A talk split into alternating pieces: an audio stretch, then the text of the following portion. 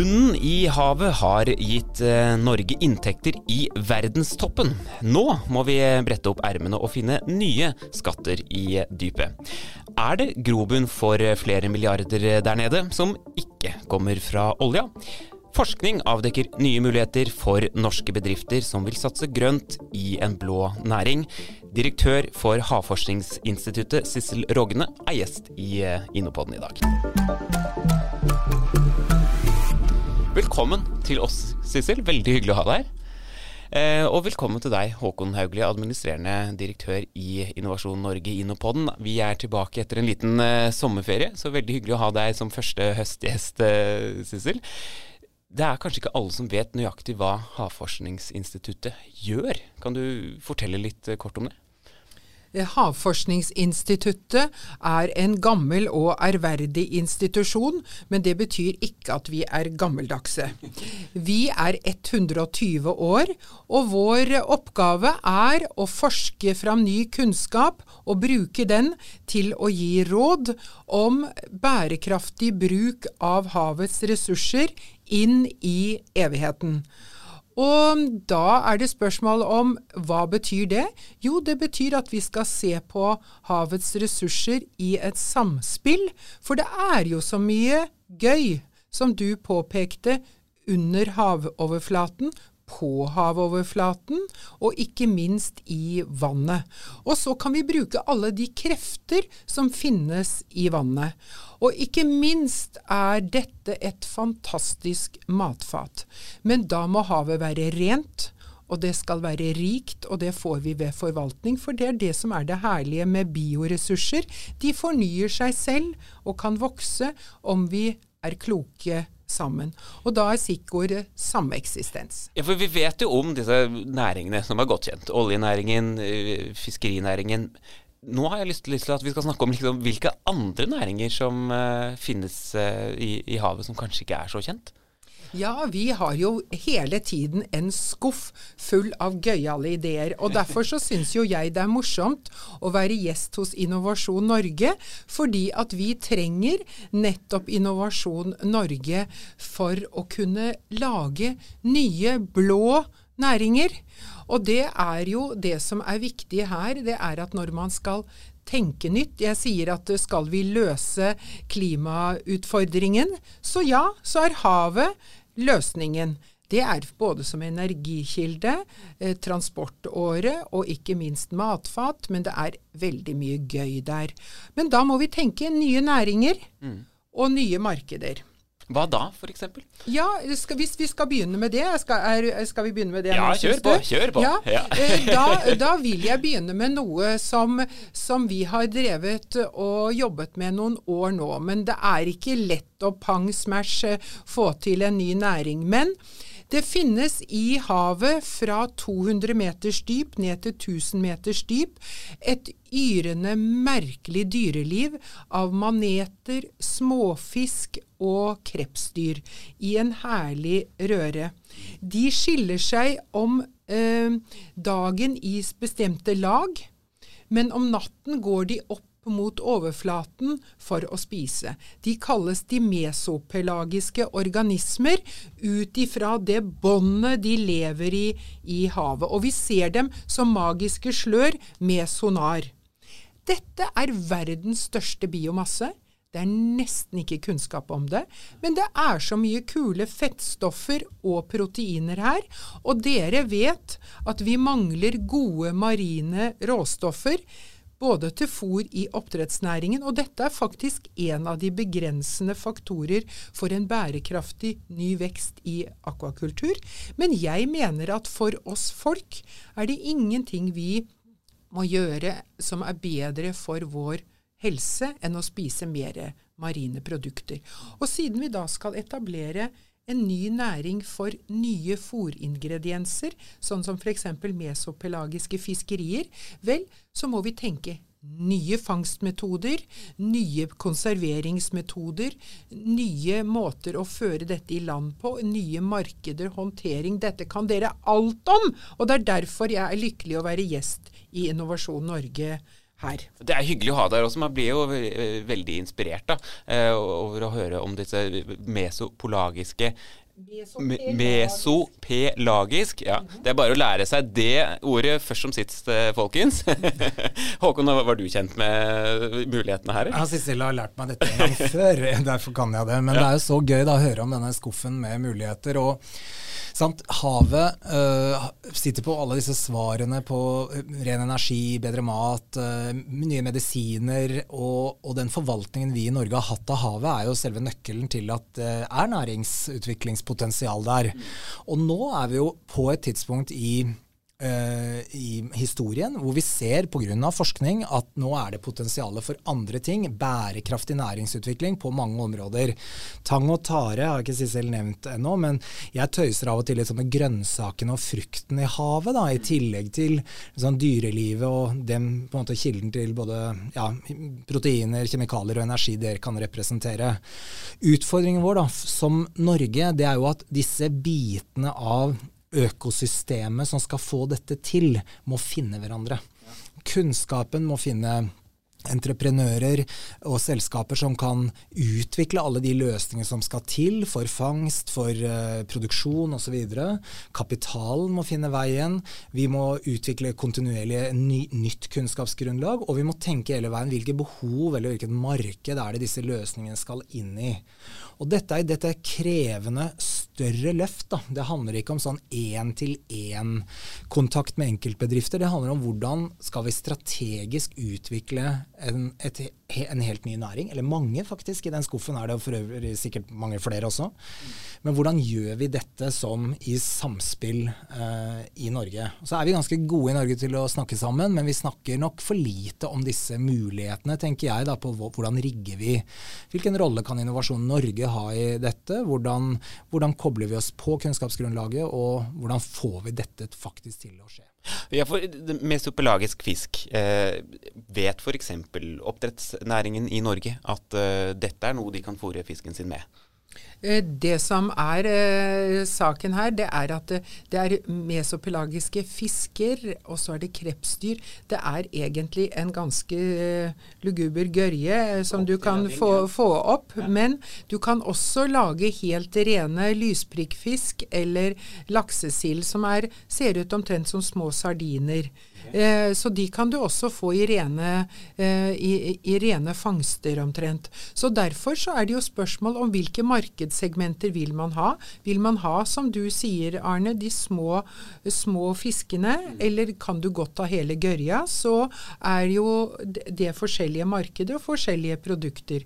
Så det er derfor Håkon her er inne på saken. Det er at hvis vi får til en verdikjede fra bærekraftig høsting, kvoter, reguleringer av disse um, organismene. Og helt til de forskjellige produktutviklingene så har vi en kjede. Og disse tror vi at Innovasjon Norge kan lede an for å få satt sammen denne verdikjeden. Uh, og, og, tenk på det er altså den største biomassen. Samtidig har den selvfølgelig betydning for karbonomsetningen i havet. Alt, alt, henger jo sammen med alt i havet, bokstavelig talt. Så, så, men allikevel, det er så mye av det, så vi kan godt begynne å leke oss litt her. Men syns du det er en for lang vei da, fra forskning til ferdig industri? de, de, dette her, her, er akkurat det som ellers er noe av det vi er kjent med som Håkon er. Vi har én idé og har én industri. Men her når du skal starte en ny næring, mm. så så dere jo selv hvordan man nå etablerte oppdrettsnæringen for laks. Det var jo en innovatørbit her og der. Men hvorfor ikke nå ta et, en skikkelig skippertak, sette det på agendaen, være litt lekne med verktøykassa til Innovasjon Norge. Vi som forvaltningsinstitutt kan bidra. Det fins forskerier der ute som har veldig mye annen kunnskap. Da kan vi gå løs. Men tror du, Håkon, da at, uh, at norske bedrifter ikke er flinke nok til å følge med på all denne spennende forskningen som foregår, kanskje i havet da, spesielt som felt? Eh, jo, det tror jeg faktisk de er, men én bedrift lager ikke en industri. Så selv om én enkeltbedrift eller noen få enkeltbedrifter ser potensialet i noe, så er dette avhengig av veldig mange samspillende deler av en verdikjede eller et, en, et maskineri da, som alle bitene må på plass, om ikke akkurat samtidig. og dette skal Man kan ikke styre innovasjonen sånn, det er jo mye mer kaotisk enn det. Men det er noe som må gjøres. Dette handler om regulering. Og det er jo veldig viktig for meg å si da, at når vi snakker om næringsutvikling med utgangspunkt i havet, så er det lett å tenke at dette utarmer havet. Men norsk tradisjon er jo det stikk motsatte. Vi har høstet bærekraftig av store fiskeriressurser i mange, mange år. Det kan vi også gjøre med andre ressurser og sørge for at bestandene er eh, levedyktige, og vel så det. Uh, uavhengig av at vi gjør næringsmessige uh, grep. Men det det til syvende og sist handler om, det er Uh, behov som må dekkes. Verdens behov for mat, verdens behov for medisiner, verdens behov for energi, transport, som Sissel nevner. Det er det som må være utgangspunktet. Og så må innovasjonen den må møte de behovene.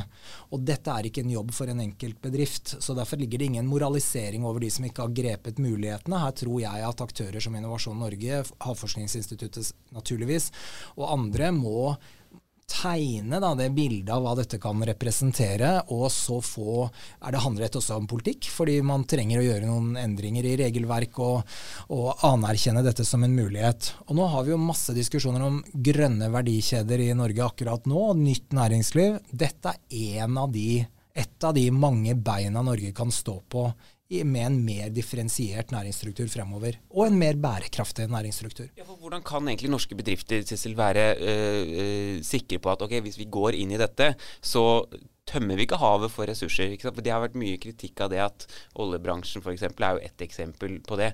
Eh, mesopelagisk eh, fisk f.eks. Er det grønt og bærekraftig å gå inn i å lage en industri av det? Det mener jeg absolutt. Det som er eh, et av våre sånne mantraer, det er at det, det, skal ikke kastes noe. Det er ikke et eneste fiskeliv som skal gå tapt uten å bli brukt. Mm. Og da kan man jo da nettopp Vi gir Det er vår vision and mission. Det er jo at man skal fiske bærekraftig. Så det er ikke snakk om å drive og fiske ubærekraftig på mesopelagiske organismer. Men da er det tilbake til det som er. Hvis en bedrift sier at å, oh, her kan jeg lage et, et viktig marked Jeg kan finne et lite marked. Noen sier jeg kan finne et stort marked. F.eks. fòrindustrien ja. er en stort marked.